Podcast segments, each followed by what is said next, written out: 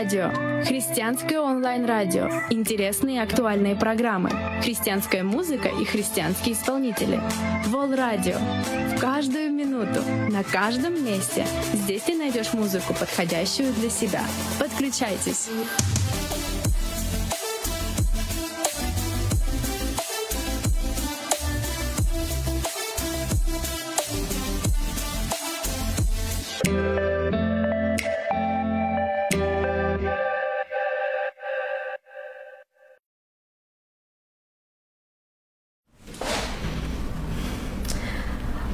Սիրելի ռադիոլսողներ եւ Facebook-յան մեր հետևորդներ, ներողություն ենք խնդրում մի փոքր մեր եթերը հետաձգելու պատճառով տեխնիկական խնդիրներ բարձրապես առաջացան։ Մենք այսօր զրուցելու ենք Երևանի կյանքի խոսք ավետարանական եկեղեցու հովիվ կրոնագետ փիլիսոփայական գիտությունների տեխնացու Արմեն Լուսյանի հետ։ Ողջույն Արմեն։ Ողջունում եմ ձեզ Գոհար, ողջունում եմ մեր բոլոր ռադիոլսողներին, նաեւ Facebook-ով մեր այսօրվա եթերը դիտողներին։ Կարծում եմ այսօր հետաքրքիր հարցերի շուրջ զրույց կունենանք։ ես էլ եմ այդպես կարծում։ Նախորդ հաղորդմանը մի շարք հարցեր մնացին, որ դուք ասացիք ավելի լավ է, որ երկար բացատրություն տանք, որ մեր ռադիոլսողը ավելի բավարարվի այդ պատասխանով։ Այսօր կշարունակենք այդ հարցերը եւ եւս էլի հարցեր ենք ստացել, որոնց կխնդրենք դուք պատասխաններ տաք այսօր։ Այսօր նախ եւ առաջ կցանկանանք լսել աղանդ բառի իմաստը եւ որտեղից է այդ բառը ցակել։ Շատ լավ։ Շատ հետաքրքիր է ընդհանրապես, որ աղանդ, նաև ժամանակակից լրատվական միջոցներում մենք տեսնում ենք հանրային դիսկուրսում, քննարկումներում լայն շրջանառություն են ստացել մի քանի տերմիններ, որոնցից մեկ աղանդն է, քայքայիչ աղանդ, տոտալիտար աղանդ, եւ դրանք բավականին լայն շրջանառություն ունեն։ Եվ շատ դեպքերում մարդիկ նույնիսկ չեն պատկերացնում, իսկ ինչ է նշանակում աղանդ, իսկ ինչ է նշանակում տոտալիտար աղանդ, քայքայիչ աղանդ, ինչու են այդքան հաճախակի այդ տերմինները օգտագործվում տարբեր տեսակի լրատվանյութերում, տարբեր տեսակի հանրային քննարկումներում, երբեմն շատ շեշտադրված, շատ նպատակային կերպով, ինչ նպատակ այդ ամեն ինչը հետապնդվում։ Տեսեք, ես ինքս երկրոնակի կրոնագետ աստվածաբան լինելով կարող եմ ասել, որ աղանդ բառը այո ունի աստվածաբանական կոնտեքստ, աղանդ, հերետիկոսություն, հերձվածողություն, այս բոլոր բառերը աստվածաբանական կոնտեքստ ունեցող եզրույթներ են, բայց օրինակ աղանդը մենք չենք կարող ասել, որ դա քաղաքական կամ իրավական տերմին է ամբողջովին կրոնական դաշտում գտնվող հասկացություններ են եւ հետեւաբար դրանք պետք է մեկնաբանվեն եւ լուսաբանվեն հենց այդ կոնտեքստում։ Իսկ շատ հաճախ մենք տեսնում ենք, որ աղանդին արդեն վերագրվում է, փորձում են վերագրել իրավական, քաղաքական, արդեն իմաստավորում եւ դրանով ամբողջ ամբողջ էությունը աղավաղվում է դրա։ Տեսեք, նաև երբ որ օգտագործում են Հայաստանում հետ սովետական տարածաշրջանի երկրներում տարբեր քրիստոնեական, տարբեր ուղությունների եկեղեցիների նկատմամբ օգտագործում են քայքայի ճաղանդ, քայքայի պաշտամունքներ այս դերմինը, հասկանում ես մի բան, որ այս ամեն ինչը հետապնդում է շատ կոնկրետ նպատակ, որոշակի եկեղեցիների նկատմամբ ձևավորել հասարակության մեջ վախ, մտավախություն, չափած չափից ավելի զգուշավորություն, այսինքն որպեսզի մարդկանց նկատմամբ ներշնչվի որոշակի անվստահություն կոնկրետ ուղղության եկեղեցիների նկատմամբ։ Հիմա գանք կոնկրետ այդ բառի, այսպես ասենք, ստուգաբանությանը։ Աղանդը առաջացել է լատիներեն սեկտաբարից եւ հին աշխարհում, երբ որ գործածվել է սեկտաբարը, այն չի ունեցել բացասական երանգավորում։ Այն ավելին ասեմ, օրինակ հին Հռոմում, հին հունական ուրեմն քաղաքակրթությունում սեկտա բառը գործածվել է զուտ ընդգծելու համար այս կամ այն ուղությունը ենթադրենք. Քաղաքական որևէ հոսանք, որևէ դպրոց, որևէ ուղություն կամ կրոնական որևէ ուղություն, այսինքն ինքը իր մեջ չի ունեցել բացասական որևէ ծանրաբեռնվածություն այս տերմինը։ Օրինակ հին Հռոմում հայտնի Ցիցերոնը իր քաղաքական ճառերից մեկում հանդիպում ենք, որ ինքը օգտագործում է սեկտաբառը Եվ նա օգտագործում է դա զուտ քաղաքական հոսանք, քաղաքական ուղղություն, քաղաքական խմբավորում առանձնացնելու, նշելու համար։ Երբ որ գալիս հասնում ենք օրինակ մեր Տեր եւ Փրկիչ Հիսուս Քրիստոսի ժամանակներին արդեն Իսրայելում հրեական հա միջավայրում Մերձավոր Արևելքում մենք տեսնում ենք որ այնտեղ էլ սուրբ գրքից էլ նկատում ենք որ օգտագործվում է օրինակ հայերենում աղանդ բառը եւ կոնկրետ հիմա եբրայերենում համա, համապատասխան բառն է օգտագործվել, որը կրկին չունեցե բացասական իմաստ։ Այդ ժամանակ մշակութային կոնտեքստում եթե դիտարկենք, աղանդը օրինակ հանդիպում ենք փարիսեցիների աղանդ, սադուկեցիների աղանդ, հետո տեսնում ենք նաև ասում են նազովրեցու աղանդ, արդեն քրիստոնյաների նկատի ունեին Հիսուս Քրիստոսի հետևորդներին, աշակերտներին, նկատի ունեին կրոնական ուղություն, կրոնական խմբավորում։ Այս կամ այն կրոնի մեջ որոշակի ենթաուղություն այս իմաստն ունեցել։ Օրինակ, երբ որ Իսրայելում ասում էին փարիսեցիներ աղան, նկատի չէին ցանկանում փարիսեցիներին վիրավորել որովհետև այդ ժամանակ վիրավորական բառ չէր դա։ Երբ որ սադուկեցիների աղանդային ասում էլի վիրավորական չէր։ Իմ անձնական հետազոտությամբ ես այս միտքը կարող եմ արտահայտել, նույնիսկ երբ որ ասում էի նազովրեցու աղանդ, նկատի ունենալով Հիսուս Քրիստոսի հետևորդներին, քրիստոնյաների, այստեղ ավելի շատ վիրավորականը նազովրեցի բառն է այդ արտահայտությունը կիրառողները ու նկատի հեգնական վերաբերմունք են արտահայտում Հիսուս Քրիստոսի նազովրեցու նկատմամբ, այլ ոչ թե աղանդ բառն է։ Որտեղ աղանդը մենք տեսնում ենք նաև երկրորդ դարի հայրերից, ուրեմն Տերտուղյանոսի աշխատության մեջ նույնպես հանդիպում ենք սեկտա բառը, որը օգտագործվել է Քրիստոսի հետևորդների նկատմամբ նորից եմ գալիս։ Պետք է հասկանանք մշակութային կոնտեքստը, ժամանակները, այդ ժամանակ այդ բառը բացարձակ վիրավորական եւ հեգնական իմաստ չի ունեցել։ 4-րդ դարում արդեն մենք հանդիպում ենք եկեղեցական գրականության մեջ, որ օգտագործում է հերձվածողություն, աղանդավորություն արտահայտությունը եւ սա արդեն իսկ ձեռքաբերում բացասական իմաստ այս ժամանակ, երբ որ եկեղեցու ներսում առաջացել էին տարբեր մոլորեցուցիչ ուսմունքներ, որոնք որ բաժանություն էին բերում եկեղեցու ներսում, եկեղեցու հայրերը արդեն իրենց աշխատությունների մեջ սկսում են օգտագործել աղանդ կամ հերետիկոսություն կամ հերձվածողություն տերմինը եւ դա ուներ հստակ ընդգծված բացասական արդեն իմաստ, այսինքն այնպիսի մի ուսմունք հնարողներ, ուսմունքի հետևորդներ, որոնք որը որ հակասում է քրիստոնեական ճշմարտադավան վարդապետությանը եւ որը բաժանություն է բերում, խզում է բերում եկեղեցու ներսում։ Հիմա երբ որ գալիս հասնում ենք արդեն 20-րդ դար, 21-րդ դար, այս բառը արդեն ոչ միայն բացասական, այս բառը արդեն ընդգծված հակակարուշչության զենք է դարձել ժամանակակից մեր աշխարհում, ժամանակակից հասարակությունում։ Այդ բառը սկսում են չեշտադրված եւ նպատակադրված կերպով օգտագործել վատաբանելու, վիրավորելու, այսպես ասած, հասարակության աշխարհում կոնկրետ ուղղության եկեղեցիների կրոնական կազմակերպությունների, այսպես ասած, նրանց հեղինակությունը, բարի անունը արատավորելու համար հարցը առաջանում իսկ ինչ է ամեն դեպքում չկա ավանդ հասկացությունը կամ երևույթը ժամանակակից աշխարհում իհարկե կա եւ մենք կարող ենք նաեւ քննարկել թե որնա դրա էությունը մենք Նորից եմ ասում, երբ որ խոսում ենք աղանդի մասին, պետք է այն դիտարկենք զուտ աստվածաբանական հարթության վրա, ոչ քաղաքական, ոչ իրավական, այլ զուտ քաղաքական։ Նույնիսկ կրոնագիտական գրականության մեջ աղանդ տերմինը նույնպես բացասական իմաստով չի օգտագործվում։ Օրինակ կրոնագիտության հայրերից, ինչպես օրինակ Մաքս Վեբերը կամ Տրիոլչը կամ Նիբուրը, նրանք օգտագործել են եւ ձևակերպումներ են տվել կրոնագիտական, ինչ է աղանդը, ինչ է դենոմինացիան, այսինքն հարամբանությունը, ինչ է եկեղեցին եւ կրոնագիտական կոնտեքստում իրանք օրինակ սեկտաբառը երբ որ օգտագործում էին, չէին նկատի չունեին բացասական իմաստով սեկտա նկատի ունեին պարզապես կրոնական խմբավորման զարգացածության որոշակի աստիճան ու այսպես ձևավորվել է երաստիճան համակարգ կրոնագիտության մեջ դրանք արևմտյան կրոնագետներն էին որ դա առաջ են քաշում ես երեք հեղինակավոր անուններ նշեցի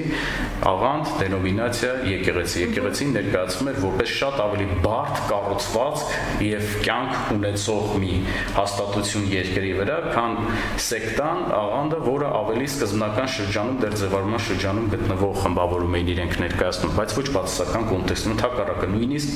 Իբուրի մոտ մենք հանդիպում ենք, որ ինքը դրական կոնտեքստ է տալիս սեկտա սեկտա խմբավորմանը, նկատի ունենալով, որ այնտեղ շատ ավելի շատ ավելի կրոնական բաներ, ավելի པարզ, ավելի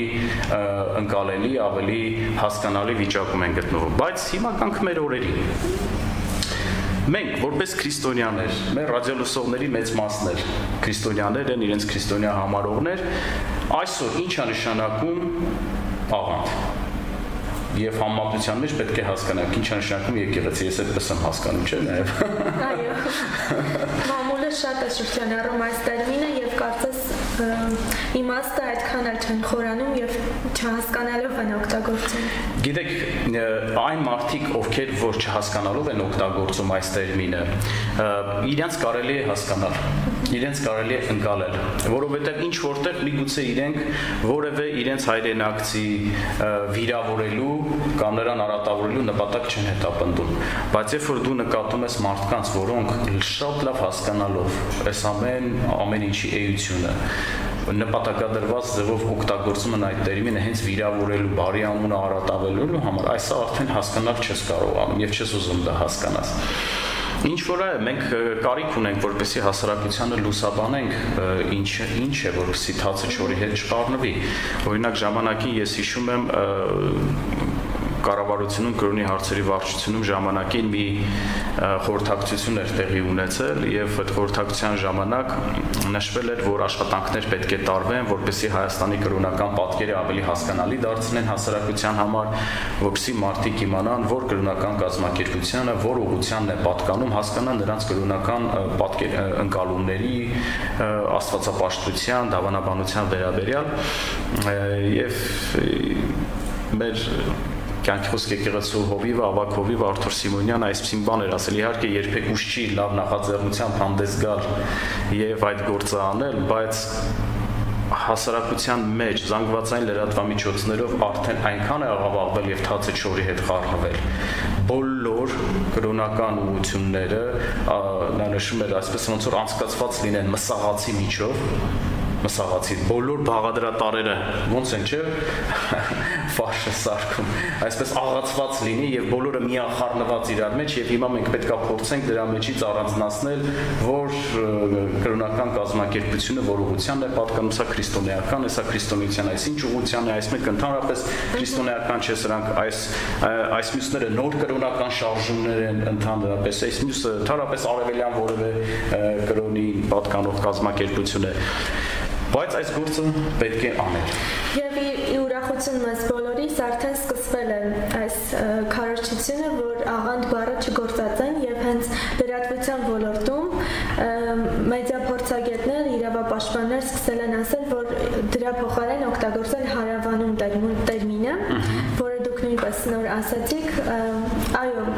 նկատելի փոփոխություններ կան արդեն, բայց հասարակության են շերտերի մեջ դեռ կան շերտեր, որոնք փորձում են ատելության խոսք ինչ-որ ներշնչել։ Ես չեմ մեղադրում այդ մարդկանց, ինչու չեմ մեղադրում, որովհետև շատ པարս սկզբունք է, շատ པարս ճշմարտություն է։ Ինչ որ մենք քարոշչության միջոցով, ռոպագանդայի միջոցով, հասարակ խոսքի միջոցով, հատկապես հասարակական կարծիք ձևավորող որևէ լրատվամիջոցով հնչող ռոպագանդան խոսքը, դա սերմի նման մի բան է, որ ցանվում է եւ հետեւաբար ինչ որ ցանվում է դա էլ հնձելու ենք ես ձեզ մի པարս բան ասեմ ընդհանրապես հայ ժողովուրդը հայերը իրանց էությամբ անհանդուրժողական ժողովուրդ չեն մենք կարելի ասել մեր DNK-ի մեջ, մեր DNT-ի մեջ հանդուրժողականություն կա, լայնախոհություն կա, ընդհանրապես օտարի նկատմամբ, այլի նկատմամբ, ուրիշի նկատմամբ, այսպես ասած, եւ ես ինչքան որ ուսումնասիրում եմ, այնքան հասկանում եմ, որ մեր ժողովուրդը շատ լավ հատկանիշներ ունի։ Բայց որքան էլ որ թե որպես անհատ, թե որպես հավաքականություն, որպես ժողովուրդ, որպես հասարակություն դու շատ լավ հատկանիշներ ունենաս քո մեջ, քո դնթի մեջ որքան էլ լավ բաներ ներդրված լինեն գենային, այսպես ասած, հա, միևնույնն է չափազանց կարևոր է թե հողի մեջ ինչա ցանվում, ինչ սերմա ցանվում։ Եթե 25 տարի, 30 տարի շարունակ լրատվամիջոցներով քարոզվի, որ բացի մի եկեղեցուց մնացյալ բոլորը աղանդներ են, քայքայի աղանդներ են, նրանցից միայն վտանգ է գալիս, նրանք լրտեսներ են, նրանք դավաճաններ են, նրանք քայքա եկել են Հայաստան, որպեսզի քայքային քանդեն մեր հասարակությունը, մեր պետության հիմքերը, ազգային անվտանգությանը վտանգ ու սպառնալիք են ներկայացնում։ Հասկանալի է, որ ցանկացած նորմալ մարդ, որ այսպիսի ինֆորմացիա է ընդունում, իսկ հաճախ մենք գիտենք, չէ, մարդիկ շատ չեն վերլուծում ստացվող ինֆորմացիան։ Հերոստացույցը օրինակ ասում են, հերոստացույցով ասեցին կամ հարևաններով նստած ենք ինքը շատ տեղեկացված անձնավորություն այս հարևանս այսպեսի բան ասեց Շատ դեպքերում երբ որ մարդկանց լրագրողներին էր հարց է տալիս, որտեղից այս ինֆորմացիան, ինչու եք համոզված որ սա այսպես է, դե ասում են մեզ այս ինչն է ասել, կամ ինչ որ մի մարդու անուն են ասում, կամ կազմակերպության անուն ասում, կամ լրատվասում են լրատվամիջոցներով այսպիսի մի բան ասվեց։ Մարդիկ վստահություն են ընծայում, հասկանում եք հանրային խոսքին, լրատվամիջոցի խոսքին եւ դրանից նաեւ ինչ սերմցանում է, այդպիսի պատուղել աճում է, այսպես ասած։ Հիմա շատ կարեւոր է, որպեսզի մեր հասարակությանը մեջ մենք ցանենք սերմեր, որոնք որ կաճեցնեն համերաշխություն, որոնք կաճեցնեն փոխադարձ հարգանք, որոնք կտան միմյանց ընդունելու, սիրելու, հանդուրժելու կարողություն եւ տրամադրվածություն, իսկ այս ուղղությամբ պետք է աշխատանք տանել։ Հիմա տեսեք, երբ որ մենք խոսում ենք եկեղեցի, քրիստոնեական եկեղեցի աղանդ այս հասկացությունների մասին, իհարկե քրիստոնեական աստվածաբանության տեսանկյունից կան սահմանումներ ինչ է եկեղեցին սահմանում քրիստոնեության սահմանումը կա եւ կա կան սահմանումներ աղանդի հետ կապված Եթե նայենք օրինակ ոչ այնքան աստվածաբանական, որքան հասարակագիտական սահմանում է, օրինակ կարող ենք հանդիպել հանրագիտարաններում, հանդիպել որևէ հասարակագիտական աշխատությունների գրքերի մեջ, ուրեմն ամենահիմնական տարածված ձևակերպումը հասարակագիտական հետևյալն է Ուրեմն աղանդ է համարվում հավատացյալների այն խումբը, խմբավորումը, որը անջատվել է տվյալ երկրում գերիշխող ուրեմն եկեղեցուց կամ կրոնական հաստատությունից եւ հակադրվել է նրան Սա հասարակական հանրագիտարանային, այսպես ասած, ամենատարածված սահմանումն է։ Բայց եկեք հիմա որպեսզի այս ամեն ինչը վերացական չլինի, եկեք այս ամեն ինչը արտացենք, տեղափոխենք մեր հայկական իրականության մեջ։ Օրինակ, որ կրոնական ուղղության, որ կրոնական կազմակերպություններին, հարանվանություններին այս սահմանումից ելնելով հասարակագիտական, մենք կարող ենք ասել, որ իրանք աղանդ են Ենթադրենք, որ ուղությունն է Հայաստանում, որ անջատվել է, իհարկե գերակա ուղությունը որն է Հայաստանում, որպես կրոն քրիստոնեությունն է, բայց իդեմս նրա ինստիտուցիոնալ հաստատության, որը Հայաստանում գերիշխողը հայ առաքելական եկեղեցին է, որը 1700-ամյա պատմություն ունի, մեծ ներդրում ունի մեր երկրի մեր ժողովրդի անցած ճանապարհի մեջ, հոգևոր, մշակութային, գիտական, այսինքն այս ամեն ինչը անուրանալի է եւ հասկանալի է, ոչ մեկ չի կարող շղթել, որ հայ առաքելական եկեղեցին Հայաստանի հայ ժողովրդի գերակա, հիմնական, դոմինանտ կրոնական, այսպես ասած, հաստատությունն է, քրիստոնեական եկեղեցին է։ Բայց հիմա եկեք վերլուծենք մի փոքր, հա, որովհետեւ հասկանանք որոշ բաներ պետք է մի քիչ անալիզի ենթարկենք։ Ունենք սահմանում աղանդ է նաև, որը որ տվյալ դեպքում անջատվել է հայ առաքելական եկեղեցուց եւ հակադրվել է նրան։ Իսկ որ մյուս ուղությունն է անջատվել հայ առաքելական եկեղեցուց։ Օրինակ նայելով մեր դաշտին մենք տեսնում ենք չի եղել պատմության մեջ մի օրինակ, մի դրվագ, երբ որ հայ առաքելական եկեղեցու հավատացյալների ինչ որ մի խումբ, կոնկրետ ինչ որ մի քահանայի հոգեվորականի առաջնորդությամբ անջատվի այդ եկեղեցուց եւ ավելի իրենց հայտարարեն ճշմարիտ առ հայ առաքելական եկեղեցի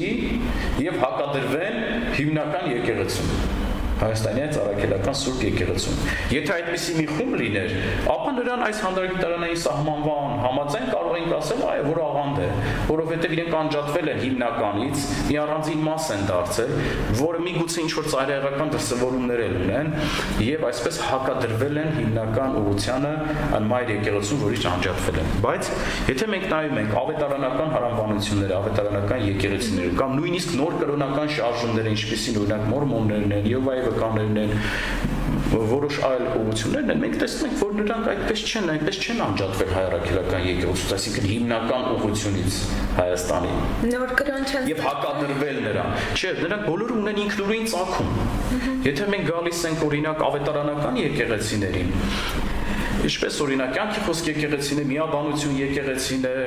ավետարանական հավատքի եկեղեցիներն են, այսինքն մենք հասկանում ենք նրանք բոլորը ունեն ինքնուրույն ցակում։ Նրանք հայրաքելական եկեղեցուց որևէ հոգեվորականի առաջնորդությամբ չեն անջատվել, առավել եւս ավետարանական եկեղեցիները չեն հակադրվել հայրաքելական եկեղեցուն ունեն ինքնուրույն ցակում բոլորն էլ ինչ որ մի խումբ փոքր հավատացյալների հիման վրա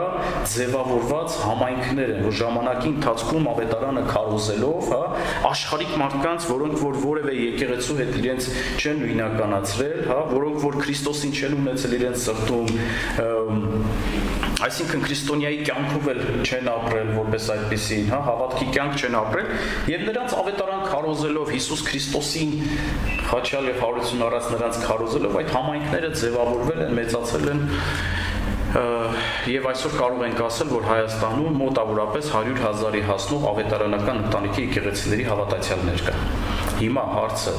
արդյոք ավետարանական եկեղեցիները անջատվել են հայրաքրակերից եւ հակադրվել են նրան։ Իհարկե ոչ։ Եթե մենք հետազոտենք դաշտը, իսկ ես նաեւ կրոնագետ որպես հետազոտել եմ մեր հայաստանյան դաշտը իրականությունը, ես կարող եմ վստահաբար ասել, որ ավետարանական ընտանիքի որևէ մի եկեղեցի մենք չենք կարող գտնել, որը որ իրեն փորձի դնել հայ առաքելական եկեղեցու փոխարեն,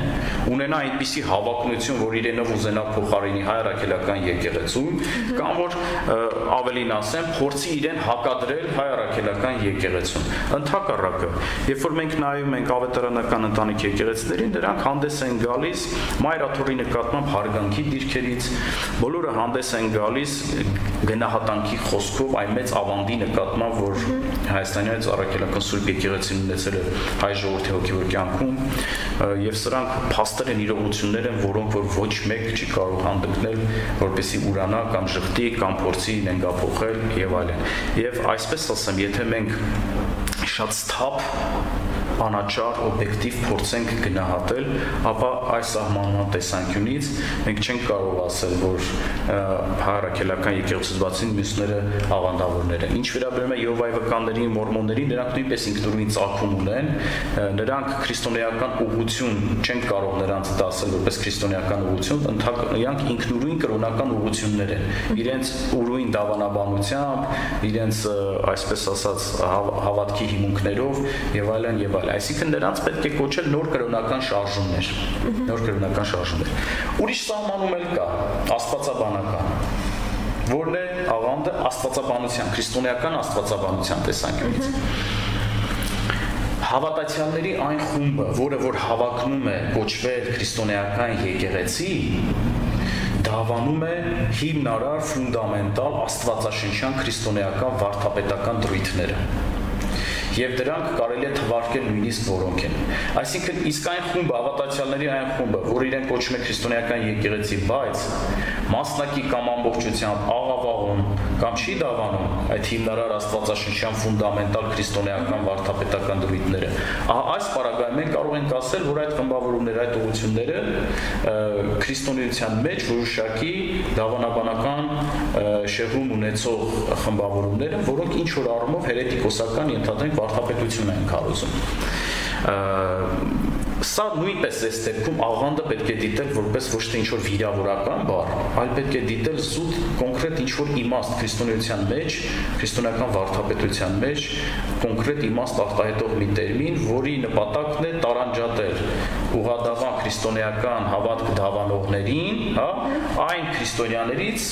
որոնք որ իրենց ուսմունքի, իրենց պաշտամունքի վարդապետության մեջ ունեն բաներ, որոնք չի համապատասխանում Սուրբ գրքին կամ չի համապատասխանում հիմնարար քրիստոնեական աշխարհում ընդունված դավանաբար։ Օրինակ դա կարող է վերաբերել Սուրբ երրորդության ուսմունքին, դա կարող է վերաբերել Քրիստոսի աստվածությանը, Սուրբ հոգու անձ եւ Աստված լինելուն, դա կարող է վերաբերել դժոխքի եւ դրախտի վերաբերյալ աստվածաշնչյան ընկալումներին։ Դա վերաբերվում է հավիտենական դատաստանին, հավիտենական կյանքին, հոգու անմահությանը, հա, Քրիստոսով մեղավորի փրկագնմանը, փրկաբանությանը ընդհանրապես այսպիսի ֆունդամենտալ հարցեր կան, որոնք որ չափազանց կարևոր են որոշելու համար։ Այո, ճշմարիտ քրիստոնեական եկեղեցի է, թե որոշակի քրիստոնեության վարդապետությունից շեղված հավատացյալները, որոնք միգուցե շատ անկեղծ են, շատ միամիտ են իրենց այդ մոլորության մեջ վարդապետական, բայց շիշակ որ նրանք վտանգավոր մարդիկ են օրինակ, սպառնալիք են եւ նրանց նկատմամբ պետքա սվիններով այսպես զինվել եւ հարձակվել նրանց վրա ագրեսիա ցուցաբերել, գիտեք, յուրաքանչյուր անհատ ունի խղճի եւ դավանանքի ազատություն։ Վերջ վերջը սա պետքա ֆունդամենտալ հարց է, պետքա բոլորս հասկանանք, իրավունք չունենք բռնանալու որևէ անձի, որևէ քաղաքացու, որևէ տվյալ դեպքում որևէ հայի եւ նաեւ Հայաստանում բնակվող որևէ այլ ազգի ներկայացուցիչի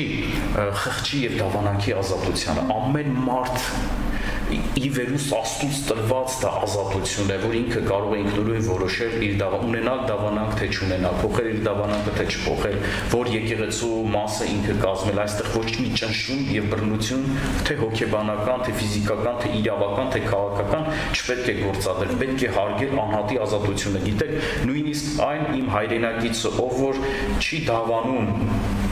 Քրիստոսին կամ չի դավանում Քրիստոսին այնպես ինչպես որ ընդունված է մեր եկեղեցում, դա չի նշանակում, որ ես պետքա տրամադրվեմ դրա նկատմամբ։ Դա չի նշանակում, որ ես դրա նկատմամբ անհանդուրժող պիտի լինեմ, կամ ատելության խոսք պիտի տարածեմ, կամ պետքա նրան փորձեմ անպայման ինձ դավանակից դարձնեմ, ինչ որ ճնշում գործադրելով նրա նկատմամբ նրա նկատմամբ այս ամեն ինչը պետքա բացառվի մեր հասարակական հարաբերությունների միջի մեջից, միջեկեղեցական հարաբերությունների մեջից եւ ամփոփելով այսպես ասած այս հարցը ես ասեմ նաեւ հետեւյալը մենք ունենք տեսեք նոր կրոնական շարժումներ Անշուշտ նրանք միգուցե կուզենան իրանց ներկայացնել քրիստոնեական, բայց նրանք կրոնագիտական դասակարգմամբ է քրիստոնեական աստվածաբանության տեսանկյունից էլ ոչ մի հնարավորություն չկա նրանց կոչել քրիստոնեական։ Նրանք ինքնուրույն ուղություններ են, դրա համար էլ ես որպես կրոնակետ նրանց դասակարգում եմ որպես նոր կրոնական շարժումներ։ Հիմա նրանք կան Հայաստանում, ուզենք թե չուզենք, կիսում ենք նրանց դավանագործը թե չեն կիսում, բայց նրանք կան եւ ստեղ գլխավոր խնդիրը հետեւյալն է, ոչ թե ագրեսիվ լինել նրանց նկատմամբ, այլ եթե կարող ես, կարոզիր Քրիստոսին, ճշմարիտ այնպես, ինչպես որ ավետարանն է մեզ մատուցում, չես կարող, ուրեմն չպետք է ոչ հարցակվես, ոչ գրոհես, ոչ ազգի թշնամի հանես եւ այլն եւ այլն շատ ճիշտ բացատրություն տվեցիք եւ աղան տերմինին եւ մնացած հարցերին եւ դուք նաեւ նշեցիք այն դրույթները, որոնք վերաբերվում են մեր հաջորդ հարցին, թե ինչպես տարբերել աղանդը ճշմարիտ հավատքից, քրիստոնեությունից, նշեցիք դրույթները եւ կարծում եմ մեր ռադիոլսող ուղարկել էր այս հարցը արդեն կհասկանա թե ինչպես կարող է տարբերակել եւ վերջի վերջո չօգտագործել այդ տերմինը անիմաստ Ես ընդհանրապես մի բան ավելացնեմ, գիտեք, այնքան կարևոր է այդ քրիստոնեական լայնախոհությունը ունենալ։ Ուրիշների նկատմամբ, որովհետև տեսեք, Քրիստոս երբեք իրեն չպարտադրեց որևէ մեկին։ Երկնքի արխայությունը պարտադրանքով չքարոզեց գիտեք ոչ մեկին ոչ ուժով, ոչ որևէ ձևով, ոչ վախեցնելով այնպես չարեց, որ դառնա իր հետևորդը։ Նա քարոզեց երկնքի արխայությունը։ Եվ ինչպես Պողոս Արաքյալն է ասում, մենք կանչված ենք Քրիստոսի ավետարանը բարի լուրը քարոզելու։ Ովքեր որ կհավատան, նրանք էլ կմիանան եկեղեցուն։ Եվ ինձ համար, գիտեք, չափազանց կարևոր է քրիստոնյա լինելով հարգանք ունենալ այլ հայացքներ ունեցող անձանց նկատմամբ։ Առավել եւս մեծ հարգանք եւ սեր ունենալ այլ քրիստոնեական եկեղեցիների նկատմամբ։ Հասկանում եք։ Օրինակ աղանդի հատկանիշներից մեկը նաեւ այն է, երբ որ որևէ կրոնական խումբ կլինի քրիստոնեական իրեն քրիստոնեական եկեղեցի ներկայացնում եւ ասում է բացառիկություն է իրեն վերագրում եւ ասում է, որ Աստվածային ճշմարտության միակ կրողը ինքն է, որ փրկությունը միայն իր միջոցով է, որ եթե մարդը օրինակ չդառնա տվյալ եկեղեցու անդամ, ուրեմն ինքը չի կարող համարվել քրիստոնյա։ Այսա նույնպես աղանդավորության եւ հերետիկոսության հատկանիշներից մեկն է։ Ես ընդհանրապես խորհուրդ կտայի խուսափել այն խմբավորներից, որոնք իրենց ներկայացնում են որպես այդպես բացառիկ Աստծո եկեղեցի, որ իրանց ներկայացնում են, որ ճշմարտությունը միայն իրենց մոտ է, որ միայն իրենց մոտ են մարդիկ փրկվում, հասկանում եք։ Սա նույնպես ճիշտ չի։ Օրինակ, կոնկրետ եկեղեցու հետևորդ լինելով, ծառայող հովիվ լինելով, այո, ես գիտեմ իմ եկեղեցու արժեքը։ Ես գիտեմ, որ մեզ մոտ ավետարանա քարոզվում, այն մարդը, որ լսում է մեր եկեղեցում ավետարան, փրկվում է եւ Քրիստոսին ընդունում է։ Բայց ես նաեւ հասկանում եմ, որ Քրիստոս միայն մեր եկեղեցում չի։ Քրիստոս նաեւ մեկ ուրիշ եկեղեցում է, որտեղ նույնպես Քրիստոսը քարոզ քարոզվում, ավետարանը քարոզվում։ Դրա համար մենք ոչ թե պետք է նայենք որպես մրցակիցներ մեկս մյուսին քրիստոնեության մեջ, այլ պետք է նայենք նաև գործակիցներ մեկս մյուսին, որպես Աստծո արքայությունը տարածողներ, որպես մշակներ Աստծո դաշտի մեջ, որ ամեն մեկս Աստծուց ունենք որոշակի մանդատ, լիազորություն, ինչ որ գործ անելու Հայաստան աշխարհում տվյալ դեպքում նրա սահմաններից դուրս ինչու ոչ։ Եվ այստեղ մենք պետք է նայենք, որ ասպես ինչու դու կաս, կամ ինչու այն մեկը կա, կամ փորձես մյուսին այսպես ասած վատաբանես նրան աղանդավոր, քայքայիչ աղանդ, քաղաքային պաշտամունք ներկայացնել, ընդհակառակը։ Գիտեք, ես մեկ անգամ մի հոգեվորականից լսեցի ինձ այնքան դուր եկավ, այդ հոգեվորական այսպեսի միտք էր արտահայտում։ Ընդհանրապես լավ չէ ուրիշի քարոշչությունը տապալելով սեփական քարոշչությունը հաստատել։ Ես լիովին համաձայն եմ այս մտքի հետ։ Այսինքն, եթե դու քեզ թերարժեքության զգացում չունես, թերարժեքության բարդույթ չունես, եթե դու հասկանում ես, որ դու քրիստոնեական եկեղեցի ես, դու ծառայում ես Քրիստոսին, հա, դու երբեք մրցակցության մեջ չես մտնի որևէ մեկ ուրիշի հետ եւ դու չես փորձի քեզ ներկայացնես միակ ճշմարիտը եւ դու ուրիշների մեջ կփորձես տեսնել գործակիցներ աստծո ընդհանուր գործը անելու այս երկրի վրա Շատ լավ, շնորհակալություն պատասխանի համար։ Ցանկանում եմ մի կարճ հայտարարություն անել, սիրելի ռադիոլսողներ, որ ռադիոն իր հաղորդումներն ավելի զարգացնելու նպատակով ունի ձեր աջակցության կարիքը։ Եթե ձեզ դուր է գալիս այս կամ այն հաղորդումը եւ ցանկանում եք դրա զարգացման մեջ ունենալ ձեր ներդրումը, ապա այսուհետ ձեր նվիրատվությունը կարող եք կատարել այցելելով Vol Radio-ի կայքեջ։ Պարզապես պետք է ընտրել նվիրատվություն բաժինը, չմոռանալով նպատակ դաշտում նշել Vol Radio։ Եվ թող Աստված առատապես օրհնի ձեր նվիրատվությունը։ Արմեն վերջին հարցը, որ կցանկանայի ձեզ ուղղել, չգիտեմ մեկնաբանություններում արդեն մեր ռադիոլսողներն ուղարկել են մեզ հարցեր թե չէ, բայց ինչևից է ուզում եմ ասել, որ այդ հարցերը անպայման կստանան իրենց պատասխանը, եթե ոչ այսօր, ապա մյուս հաղորդումներին։ Շատ բարի։ Դուք նշեցիք այս կրոնական տարբեր կառույցների արկայությունը մեր երկրում, նաև հայ առաքելական եկեղեցու արկայությունը։ Կցանկանայի հարցնել մեր ռադիոլուսողն է ավելի ճիշտ այս հարցը ուղարկել, բայց քանի որ դուք անդրադարձաք այդ թեմային, արդեն շատ կարևոր է։ Որքանով եք դուք նպատակահարմար համարում հայ առաքելական եկեղեցու կողքին այս կառույցների բազմազանությունը, արկայությունը։ Շատ բարի։ Կա արդյոք դրա նպատակը։ Եկեք այս հարցին նայենք երկու տեսանկյունից։ Առաջին տեսանկյունը եկեք նայենք հասարակական տեսանկյունից, եկեք նայենք իրավական տեսանկյունից ամեն մի անհատի խղճի ազատության տեսանկյունից։ Այս առումով եթե մենք նայում ենք, ապա պետք է նպատակահարմարության հարց չդնենք այս տեսանկյունից, որովհետև եթե մարդու իրավունքների տեսանկյունից ենք նայում, ապա ինչպես ես նշեցի խոսքում, յուրաքանչյուր անհատ, անհատների խումբ իրավունք ունի ինքնուրույնաբար որոշելու իր խղճի եւ դավանանքի ազատության հետ դիրույթում գտնվող հարցերը, թե որ եկեղեցուն հարի ինքը արդյոք իրենք միավորվեն նոր կրոնական ինչ որ միավոր ձևավորել կամ փոխեն իրենց դավանանքը։ Մի խոսքով սրանք հարցեր են, որոնք այս հարցերը եւ այս իրավունքներն ու ազատությունները չի կարելի որևէ որևէ զարգացող եւ զարգացման ձգտող հասարակության մեջ կասկածի տակ դնել կամ այս ազատությունները սահմանափակել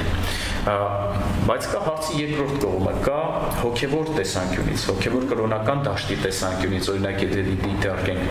Այո, իհարկե, անշուշտ հայ առաքելական եկեղեցին, ինչպես ես ասացի, 17 դար շարունակ հայ ժողովրդի կյանքում ամենածանրակշիռ ներկայություն ունեցող, ամենածանրակշիռ ներդրում ունեցած հոգևոր հաստատությունն է։ Քրիստոնեական եկեղեցին է եւ ես նորից եմ ասում, այս ամեն ինչը հաշվի առնելով այս փաստերը անհնար է հարգանք եւ պատկառանք չունենալ մեր այդ պատմական եկեղեցու նկատմամբ։ Իհարկե, նաեւ հայ ժողովրդի կյանքի տարբեր ժամանակահատվածներում նաև առաջացել են այլ քրիստոնեական եկեղեցիներ, ինչպես հայ կաթողիկե եկեղեցին,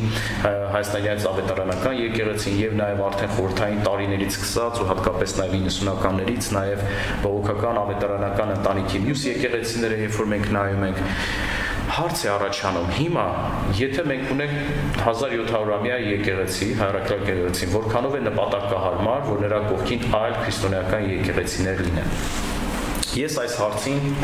պատասխանում եմ հետևյալ կերպ։ Եթե մենք նայենք այս հարցին զուտ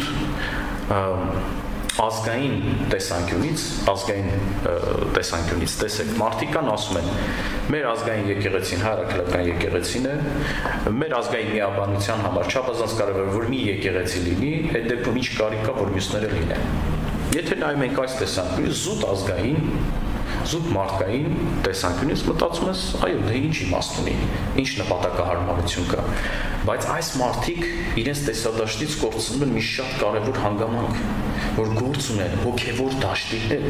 Այստեղ պարզապես մենք չենք ամեն ինչը վերլուծում ու գնահատում ելնելով զուտ մեր անհատական ընկալումներից ու պատկերացումներից, մենք գործ ունենք նաև Աստծո հետ։ Մենք այստեղ այս դաշտում գործ ունենք Աստծո գործի հետ, Աստծո ցանկությունների հետ, Աստծո մտադրությունների հետ։ Եվ այստեղ մենք չենք կարող զուտ մենք մարդկային պատկերացումներով ու ընկալումներով որոշել նպատակահարմար է թե նպատակահարմար չէ։